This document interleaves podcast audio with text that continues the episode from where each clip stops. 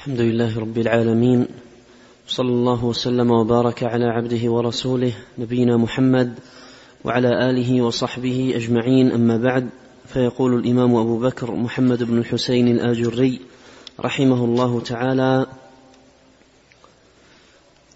الجزء السابع كتاب التصديق بالنظر إلى الله إلى الله عز وجل.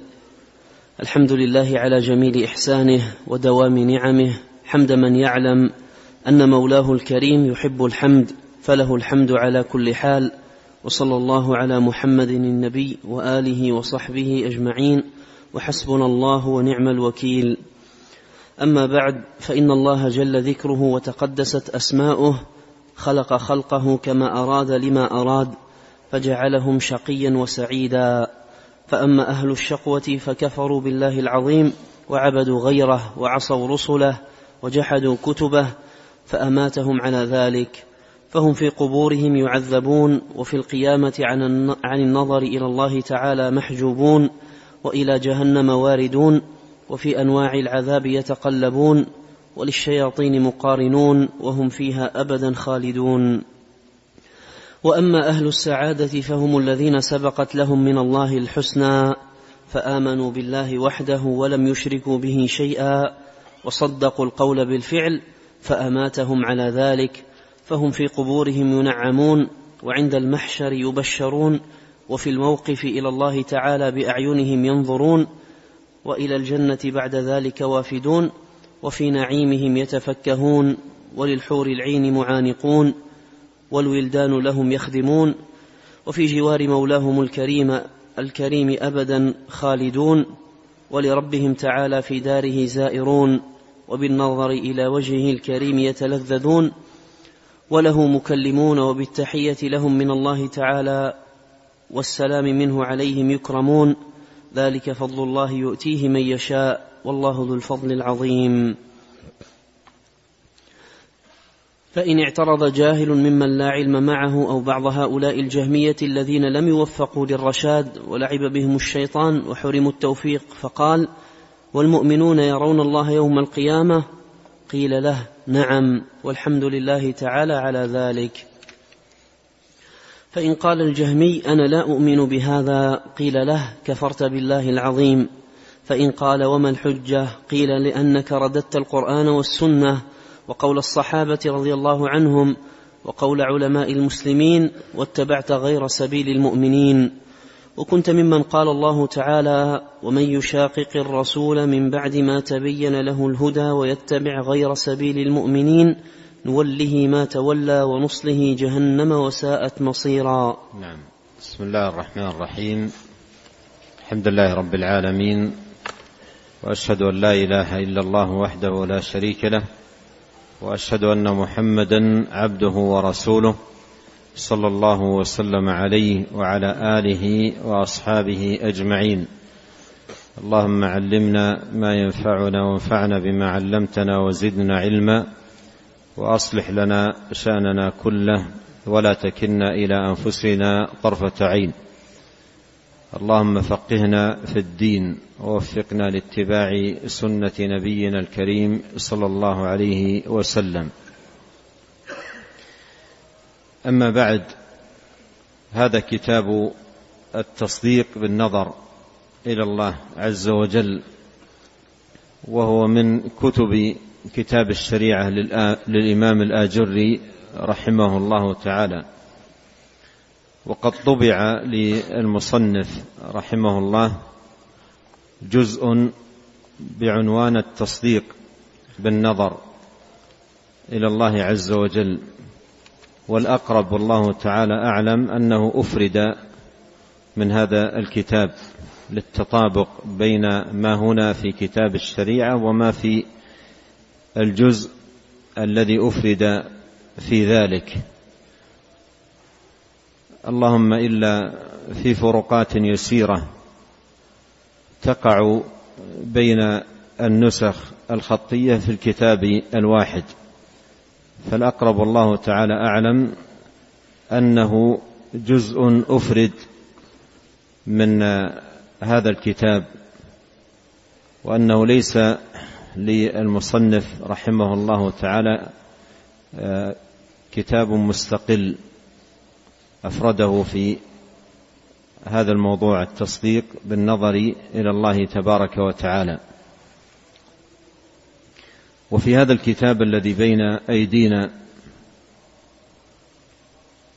يبين المصنف رحمه الله تعالى ما يتعلق بهذا الأمر العظيم ورؤية المؤمنين لربهم يوم يلقونه جل وعلا.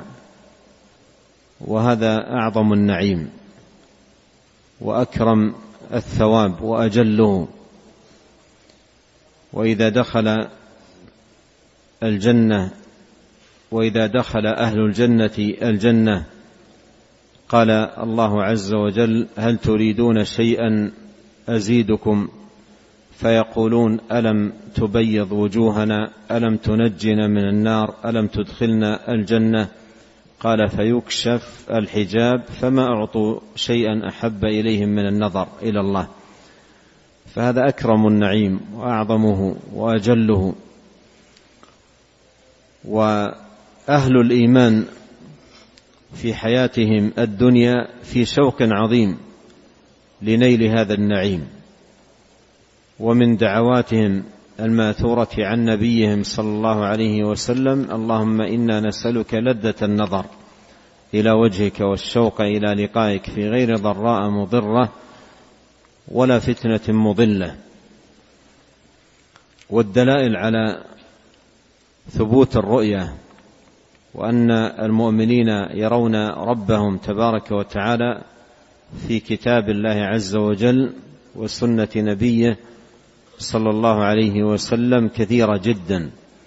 والمصنف رحمه الله تعالى في هذا الكتاب ساق جملة كبيرة من الدلائل من القرآن والسنة وأيضا ساق جملة كبيرة من أقاويل الصحابة ومن اتبعهم بإحسان كما هي طريقته المعهودة في كتابه هذا. مما قام به البرهان وثبتت به الحجة. ولم يبقى لمجادل أو مخاصم متمسك بل قطع رحمه الله تعالى شبهة المبطلين والرؤية محل إجماع بين أهل العلم ولا خلاف بينهم فيها بل لا يخالف فيها إلا ضال. أعمى الله سبحانه وتعالى بصيرته فتنكب صراط الله المستقيم وخالف جادته وصدف عن البراهين البينة في كتاب الله عز وجل وسنة نبيه صلى الله عليه وسلم. وكان وكان بنفيه للرؤية محروما من التوفيق. وكان بنفيه للرؤية محروما من التوفيق. لأنه بنفيه للرؤية لن يقوم في قلبه طمع في أن يرى الله. لأنه يعتقد أن الله لا يرى يوم القيامة. فلن يقوم في قلبه طمع في أن يرى الله سبحانه وتعالى. ولن يكون في جملة دعواته الدعاء بلذة النظر إلى الله عز وجل. وقد قال السلف رحمهم الله تعالى قديما إن من أنكر رؤية الله في هذه الحياة الدنيا حري أن يحرم منها يوم القيامة. حري أن يحرم منها يوم القيامة. لأنه أصلا ما قام في قلبه طمع في هذه الرؤية ولا دعا الله سبحانه وتعالى أن يكرمه بها وأن يجعله من أهل لد أهل اللذة بالنظر إلى وجه الله سبحانه وتعالى الكريم.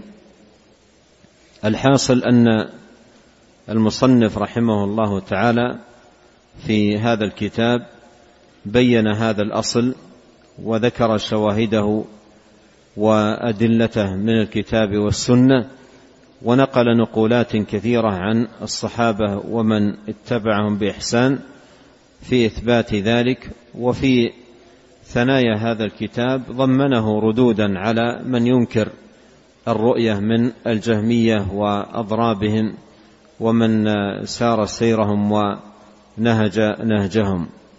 نعم. قال رحمه الله تعالى فأما نص القرآن فقول الله تعالى وجوه يومئذ ناظرة إلى ربها ناظرة. نعم هذا الدليل الأول من القرآن الكريم على ثبوت الرؤية. قال وجوه يومئذ ناظرة أي يوم القيامة. وناظرة أي من النظرة. تعرف في وجوههم نظرة النعيم. نظرة النعيم. نظرة النعيم. هي ناظرة من النظرة. والنظرة هي الحسن والجمال والبهاء. وجوه يومئذ ناظرة. إلى ربها ناظرة. وهنا أضاف النظر إلى الوجه وعداه بإلى إلى ربها وأسند النظر وأضافه إلى الوجه ولا يكون إلا بالباصرة التي هي العين. فمعنى إلى ربها ناظرة أي بأبصارها تنظر إلى الله سبحانه وتعالى. فتكسى تلك الوجوه الناظرة إلى الله حسنا. وبهاء وجمالا. ولهذا قال الحسن البصري رحمه الله تعالى ما معناه؟ قال حق لها أن تكون ناظرة وهي تنظر إلى الله. حق لها أن تكون ناظرة أي حسنة جميلة باهية وهي تنظر إلى الله سبحانه وتعالى. نعم. قال رحمه الله تعالى وقال تعالى وقد أخبرنا عن الكفار أنهم محجوبون عن رؤيته فقال تعالى ذكره كلا إنهم عن ربهم يومئذ لمحجوبون ثم إنهم لصال الجحيم ثم يقال هذا الذي كنتم به تكذبون فدل بهذه الآية أن المؤمنين ينظرون إلى الله وأنهم غير محجوبين عن رؤيته كرامة منه لهم. وهذا الدليل الثاني من القرآن.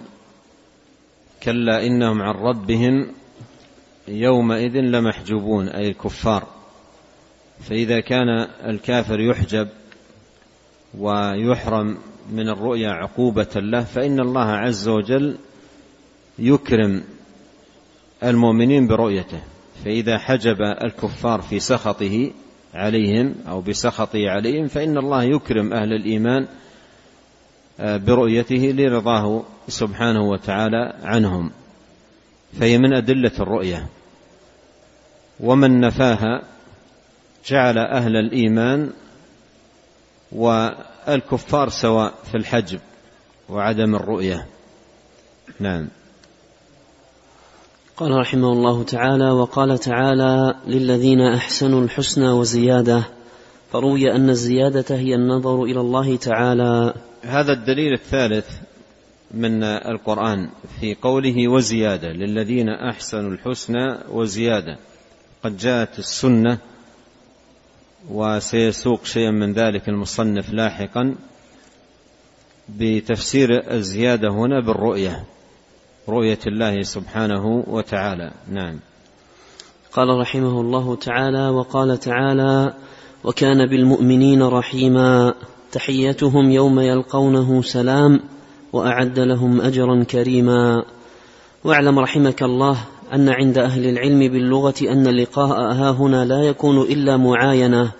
سيراهم الله تعالى ويرونه ويسلم عليهم ويكلمهم ويكلمونه.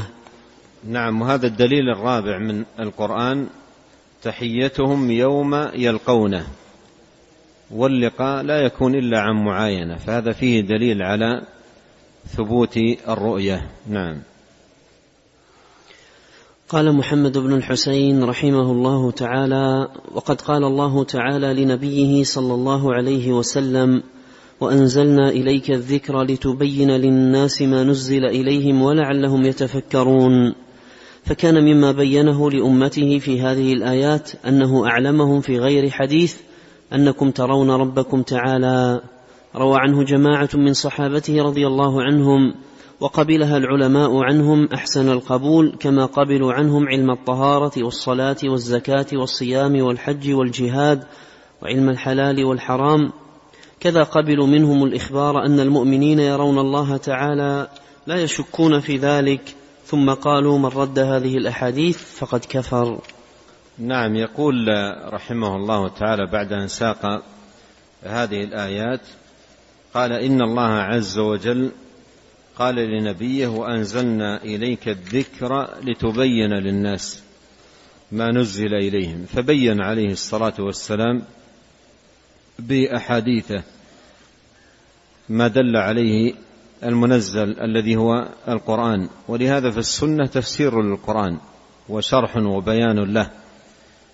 وفي هذا الباب باب الرؤية جاءت السنة بالأحاديث الكثيرة المصرحة بالرؤية الناطقة بها إنكم سترون ربكم. وأحاديث الرؤيا متواترة تواتر نقلها عن الرسول الكريم صلوات الله وسلامه وبركاته عليه. وقد تلقى أئمة السلف من الصحابة ومن اتبعهم بإحسان أحاديث الرؤيا كلها بالقبول كتلقيهم أحاديث الصلاة وأحاديث الصيام وأحاديث آه، أمور الدين الأخرى. تلقوا ذلك بالقبول بخلاف أهل الضلال وأهل الباطل الذين وقفوا من جملة من أحاديث العقائد موقف الرد والانتقاد والاعتراض. وإثارة الشبهات وعدم التلقي لما جاء عن الرسول صلوات الله وسلامه وبركاته عليه بالقبول. والمصنف رحمه الله تعالى يقول إن رد هذه النصوص القرآنية والأحاديث النبوية الصريحة في ثبوت الرؤيا كفر لأنه رد لكلام الله ورد لكلام رسوله صلوات الله وسلامه وبركاته عليه. قالوا أي السلف من رد هذه الأحاديث فقد كفر. من رد هذه الأحاديث كفر. فإنكار الرؤية وإنكار الأحاديث التي جاءت مثبتة للرؤية كفر بالله سبحانه وتعالى. والمعين الذي ينكر هذه الأحاديث يبين له وتزال عنه الشبهة وتقام عليه الحجة ويبين له أن هذا كفر بالله سبحانه وتعالى. نعم. قال رحمه الله تعالى حدثنا أبو القاسم عبد الله بن محمد بن عبد العزيز البغوي قال حدثنا عبيد الله بن عمر القواريري قال حدثني مضر القاري قال حدثنا عبد الواحد بن زيد قال سمعت الحسن يقول لو علم العابدون أنهم لا يرون ربهم تعالى لذابت أنفسهم في الدنيا. قدم رحمه الله تعالى بذكر هذا الأثر العظيم عن الحسن البصري رحمه الله تعالى لبيان عظم مكان هذه العقيدة الإيمان بالرؤية في نفوس أهل الإيمان وعظم أثرها على قلوبهم في باب التعبد والتقرب إلى الله سبحانه وتعالى. يقول لو علم العابدون أنهم لا يرون ربهم لذابت أنفسهم في الدنيا لأن الطمع الذي قام في قلوبهم لرؤية الله سبحانه وتعالى ومشاهدته بالأبصار يوم القيامة يعد عندهم أكمل نعيم وقلوبهم في أعظم شوق.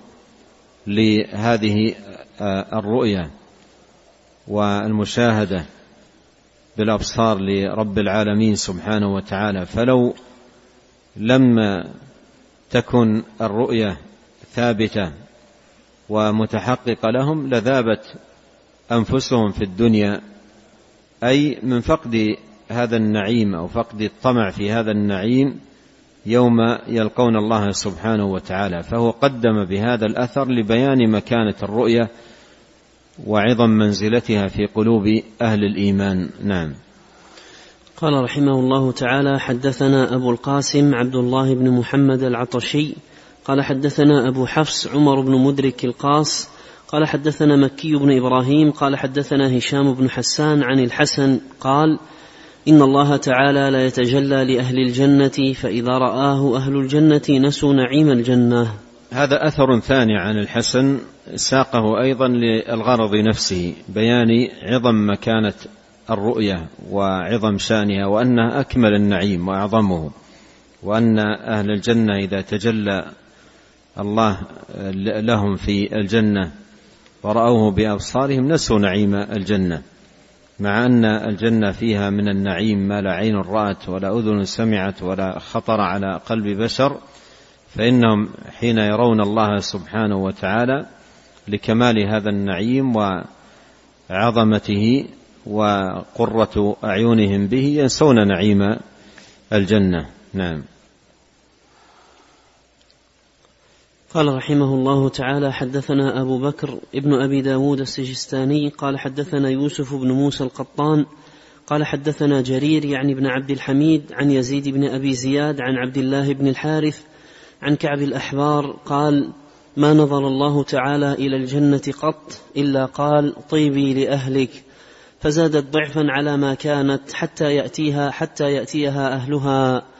وما من يوم كان لهم عيدا في الدنيا إلا يخرجون في مقداره في رياض الجنة فيبرز لهم الرب تعالى فينظرون إليه وتسفي عليهم الريح بالمسك والطيب ولا يسألون ربهم شيئا إلا أعطاهم حتى يرجعوا وقد ازدادوا على ما كانوا من الحسن والجمال سبعين ضعفا. ثم يرجعون إلى أزواجهم وقد ازدادوا مثل ذلك. ما نظر عن كعب الأحبار. عن كعب الأحبار قال ما نظر الله تعالى إلى الجنة إلا قال طيبي لأهلك فزادت ضعفا على ما كانت حتى يأتيها أهلها. وما من يوم كان لهم عيدا في الدنيا إلا يخرجون في مقداره في رياض الجنة فيبرز لهم الرب تعالى فينظرون إليه وتسفي عليه وتسفي عليهم الريح بالمسك والطيب ولا يسألون ربهم شيئا إلا أعطاهم حتى يرجعوا وقد ازدادوا على ما كانوا من الحسن والجمال سبعين ضعفا. ثم يرجعون إلى أزواجهم وقد ازدادوا مثل ذلك. نعم هذا أثر موقوف على كعب الأحبار وفي الإسناد أيضا ضعف في إسناد ضعف. يزيد بن أبي زياد ضعيف. لكن من حيث المعنى الذي هو ثبوت الرؤية وأنها أكمل نعيم وأعظم نعيم هذا قامت عليه الدلائل الكثيرة والشواهد الصحيحة مما سيأتي ذكر المصنف له قريبا. نعم.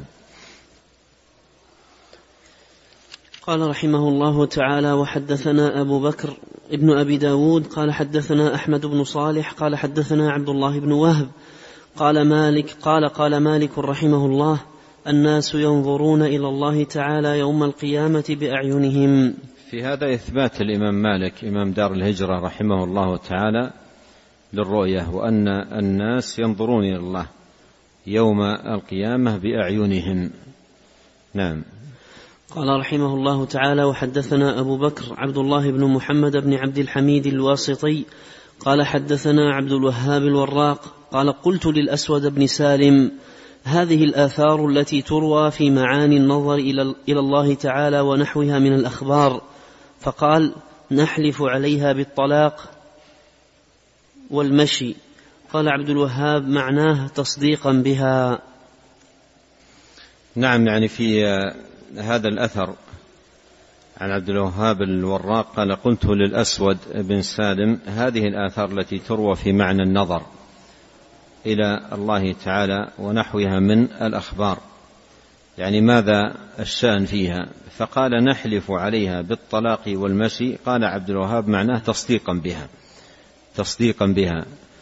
أي تصديقا بهذه الآثار. ولا شك أن الموقف الذي يجب على كل مسلم تجاه الأحاديث الصحاح الثابتة عن الرسول صلوات الله وسلامه عليه أن يتلقاها بالقبول والتصديق والإيمان والتسليم والا يرد شيئا منها ولا يرد شيء من كلام الرسول عليه الصلاة والسلام وما ثبت عنه صلوات الله وسلامه عليه. وقوله هنا نحلف عليها بالطلاق والمشي. يعني مراده بذلك تأكيد آه، المراد بذلك تأكيد ثبوت الرؤية وصحة واستقامة ما دلت عليه هذه الآثار ووجوب التصديق بذلك وأننا على ذلك نحلف. وأما قوله نحلف بالطلاق فهذا ليس من الأيمان المشروعة. قوله نحلف بالطلاق هذا ليس من الأيمان المشروعة. وقوله والمشي هذه لا أدري ما هي. نعم. قال رحمه الله تعالى حدثنا أبو حفص عمر بن أيوب السقطي قال حدثنا محمد بن سليمان لوين قال قيل لسفيان قيل لسفيان بن عيينة هذه الأحاديث التي تروى في الرؤيا. فقال حق على ما سمعناها ممن نثق به. وهذا أيضا السؤال نفسه الذي مر معنا في في في هذا الأثر الأول. وجه إلى سفيان آه، بن عيينة رحمه الله. هذه الأحاديث التي تروى في الرؤيا. هذا مثل السؤال الذي في الأثر الذي قبله. هذه الآثار أو الأحاديث التي تروى في الرؤيا. يعني ما الموقف؟ قال حق على ما سمعناها ممن نثق به. فهذا فيه إثباتها والإيمان بها لأنها ثبتت بالأسانيد الصحيحة إلى الرسول الكريم فهي حق. صلوات الله والسلام عليه. نعم. قال رحمه الله تعالى وحدثنا أبو الفضل جعفر بن محمد الصندلي قال حدثنا الفضل بن زياد قال سمعت أبا عبد الله أحمد بن حنبل وبلغه عن رجل أنه قال إن الله تعالى لا يرى في الآخرة. فغضب غضبا شديدا ثم قال من قال إن الله تعالى لا يرى في الآخرة فقد كفر. عليه لعنة الله وغضبه. من كان من كان من الناس عليه لعنة الله وغضبه من كان من الناس. أليس الله عز وجل قال وجوه يومئذ ناظرة إلى ربها ناظرة؟ وقال تعالى كلا إنهم عن ربهم يومئذ لمحجوبون. هذا دليل على أن المؤمنين يرون الله تعالى. نعم. قال وحدثنا أبو القاسم عبد الله بن محمد بن عبد العزيز البغوي. قال حدثنا حنبل بن إسحاق بن حنبل. قال سمعت أبا عبد الله يقول قالت الجهمية إن الله تعالى لا يرى في الآخرة. وقال الله تعالى كلا إنهم عن ربهم يومئذ لمحجوبون. فلا يكون هذا إلا أن الله تعالى يرى. وقال وجوه يومئذ ناظرة إلى ربها ناظرة. فهذا النظر إلى الله تعالى. نعم يعني هذان الأثران عن الإمام أحمد رحمه الله. فيه استدلاله بهذه الآية الكريمة وجوه يومئذ ناظرة إلى ربها ناظرة. أي تنظر إلى الله سبحانه وتعالى بأبصارها. استدلاله بها على ثبوت الرؤية وأن الجاحد للرؤية يكفر بهذا الجحد لأنه جحد كلام الله ورد كلام الله سبحانه وتعالى. فالقول بجحد الرؤية هذا كفر والمعين الذي يجحد الرؤية يبين له وإذا كانت عنده شبهة تزال. وتقام عليه الحجة ويبين له البرهان بما يدل على خطورة الجحد لرؤية الله سبحانه وتعالى وأنه كفر بالله سبحانه وتعالى كما صرح بذلك الأئمة من علماء السلف رحمهم الله تعالى. نعم. قال رحمه الله تعالى والأحاديث التي رويت عن النبي صلى الله عليه وسلم إنكم ترون ربكم بروايات صحيحة وأسانيد غير مدفوعة والقرآن شاهد أن الله تعالى يرى في الآخرة. يعني هذه البراهين قد تنوعت وثبتت في القرآن وفي السنة وجاءت في السنة بالأحاديث الصحيحة غير المدفوعة. بل آه، الأحاديث التي في الرؤيا تواتر نقلها عن الرسول الكريم صلوات الله وسلامه عليه. فالجحد للرؤية جحد لأمر وأصل عظيم ثابت في كتاب الله وسنة نبيه صلى الله عليه وسلم. وهذا الجحد لا يكون إلا كفرا بالله وبالقرآن وبما جاء به الرسول الكريم صلوات الله وسلامه وبركاته عليه. نعم. قال رحمه الله تعالى وحدثنا أبو بكر عبد الله بن محمد بن عبد الحميد الواسطي قال حدثنا محمد بن يحيى بن عبد الكريم الأزدي قال حدثنا علي بن الحسن بن شقيق قال سمعت عبد الله بن المبارك يقول إنا لنحكي كلام اليهود والنصارى ولا نستطيع أن نحكي كلام الجهمية. لأن كلام الجهمية من أقبح الكلام. لأن كلام الجهمية من أقبح الكلام وأشنعه وفيه اندفاع وتجرؤ على النصوص وردها والتكذيب بها وعدم قبولها وفيه تجر على رد كلام الله وكلام رسوله صلوات الله وسلامه وبركاته عليه فكلام الجهمية من أقبح الكلام. واسوئه نعم. قال رحمه الله تعالى حدثنا أبو عبد الله محمد بن مخلد العطار قال حدثنا أبو داود السجستاني قال سمعت أحمد بن حنبل وذكر عنده شيء من الرؤية فغضب وقال من قال إن الله تعالى لا يرى فهو كافر. وقول ابن مبارك في الأثر المتقدم إلا إنا لنحكي كلام اليهود والنصارى ولا نستطيع أن نحكي كلام الجهمية. ليس في هذا أن ابن مبارك وغيره من أئمة السلف يحكون كلام اليهود أو يعتنون بحكاية كلام اليهود أو كلام النصارى. وإنما المراد بهذا الكلام إظهار قبح كلام الجهمية وأنه أقبح من كلام اليهود ومن كلام النصارى. والمقصود بهذا الكلام إظهار شدة قبح كلام الجهمية. وفي هذا الأثر الثاني عن الإمام أحمد قال قال أبو داود سمعت أحمد وذكر عنده شيء من الرؤيا فغضب وقال إن الله تعالى لا من قال إن الله تعالى لا يرى فهو كافر. هذا نظير أيضا ما مر معنا قريبا عن الإمام أحمد برواية الفضل بن زياد. نعم. قال رحمه الله تعالى حدثنا أبو مزاحم موسى بن عبيد الله بن يحيى بن خاقان قال حدثنا العباس بن محمد الدوري قال سمعت أبا عبيد القاسم بن سلام يقول وذكر عنده هذه الأحاديث في الرؤيا فقال هذه عندنا حق نقلها الناس بعضهم عن بعض. هذا كلام الإمام أبي عبيد رحمه الله تعالى القاسم بن سلام يقول عن أحاديث الرؤيا هذه عندنا حق نقلها الناس بعضهم عن بعض. نقلها الناس أي الرواة النقلها العدول الثقات. نقلها بعضهم عن بعض أي واحدا عن آخر إلى الصحابة إلى الرسول الكريم صلى الله عليه وسلم.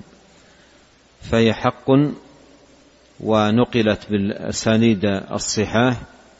الثابتة عن الرسول الكريم عليه الصلاة والسلام فالواجب إثباتها وتلقيها بالقبول. نعم. قال محمد بن الحسين رحمه الله تعالى فمن رغب عما كان عليه هؤلاء الأئمة الذين لا يستوحش من ذكرهم وخالف الكتاب والسنة ورضي بقول جهم وبشر المريسي وأشباههما فهو كافر. من لم يقبل ما جاء به الكتاب والسنة و ما صحت به الأحاديث عن رسول الله صلى الله عليه وسلم ولم يتخذ الرسول عليه الصلاة والسلام إماما له سيكون ائمته هؤلاء الجهم وبشر المريسي واشباههم من أئمة الضلال. وإذا أسند أهل الإيمان عقائدهم قالوا نعتقد كذا لقول الله تعالى كذا ولقول رسوله صلى الله عليه وسلم كذا فهم مؤتمون في عقائدهم وأديانهم بالرسول الكريم عليه الصلاة والسلام هو إمامهم وقدوتهم. وأما أهل الضلال وأهل الباطل فليس لهم اقتداء بالرسول الكريم عليه الصلاة والسلام وإنما أئمتهم هؤلاء أئمتهم الجهم وأئمتهم بشر المريسي ومعبد الجهني وغيرهم من أئمة الضلال. حتى إنهم في النسبة ينسبون إلى هؤلاء ينسبون إلى هؤلاء. يقال الجهمية نسبة إلى الجهم.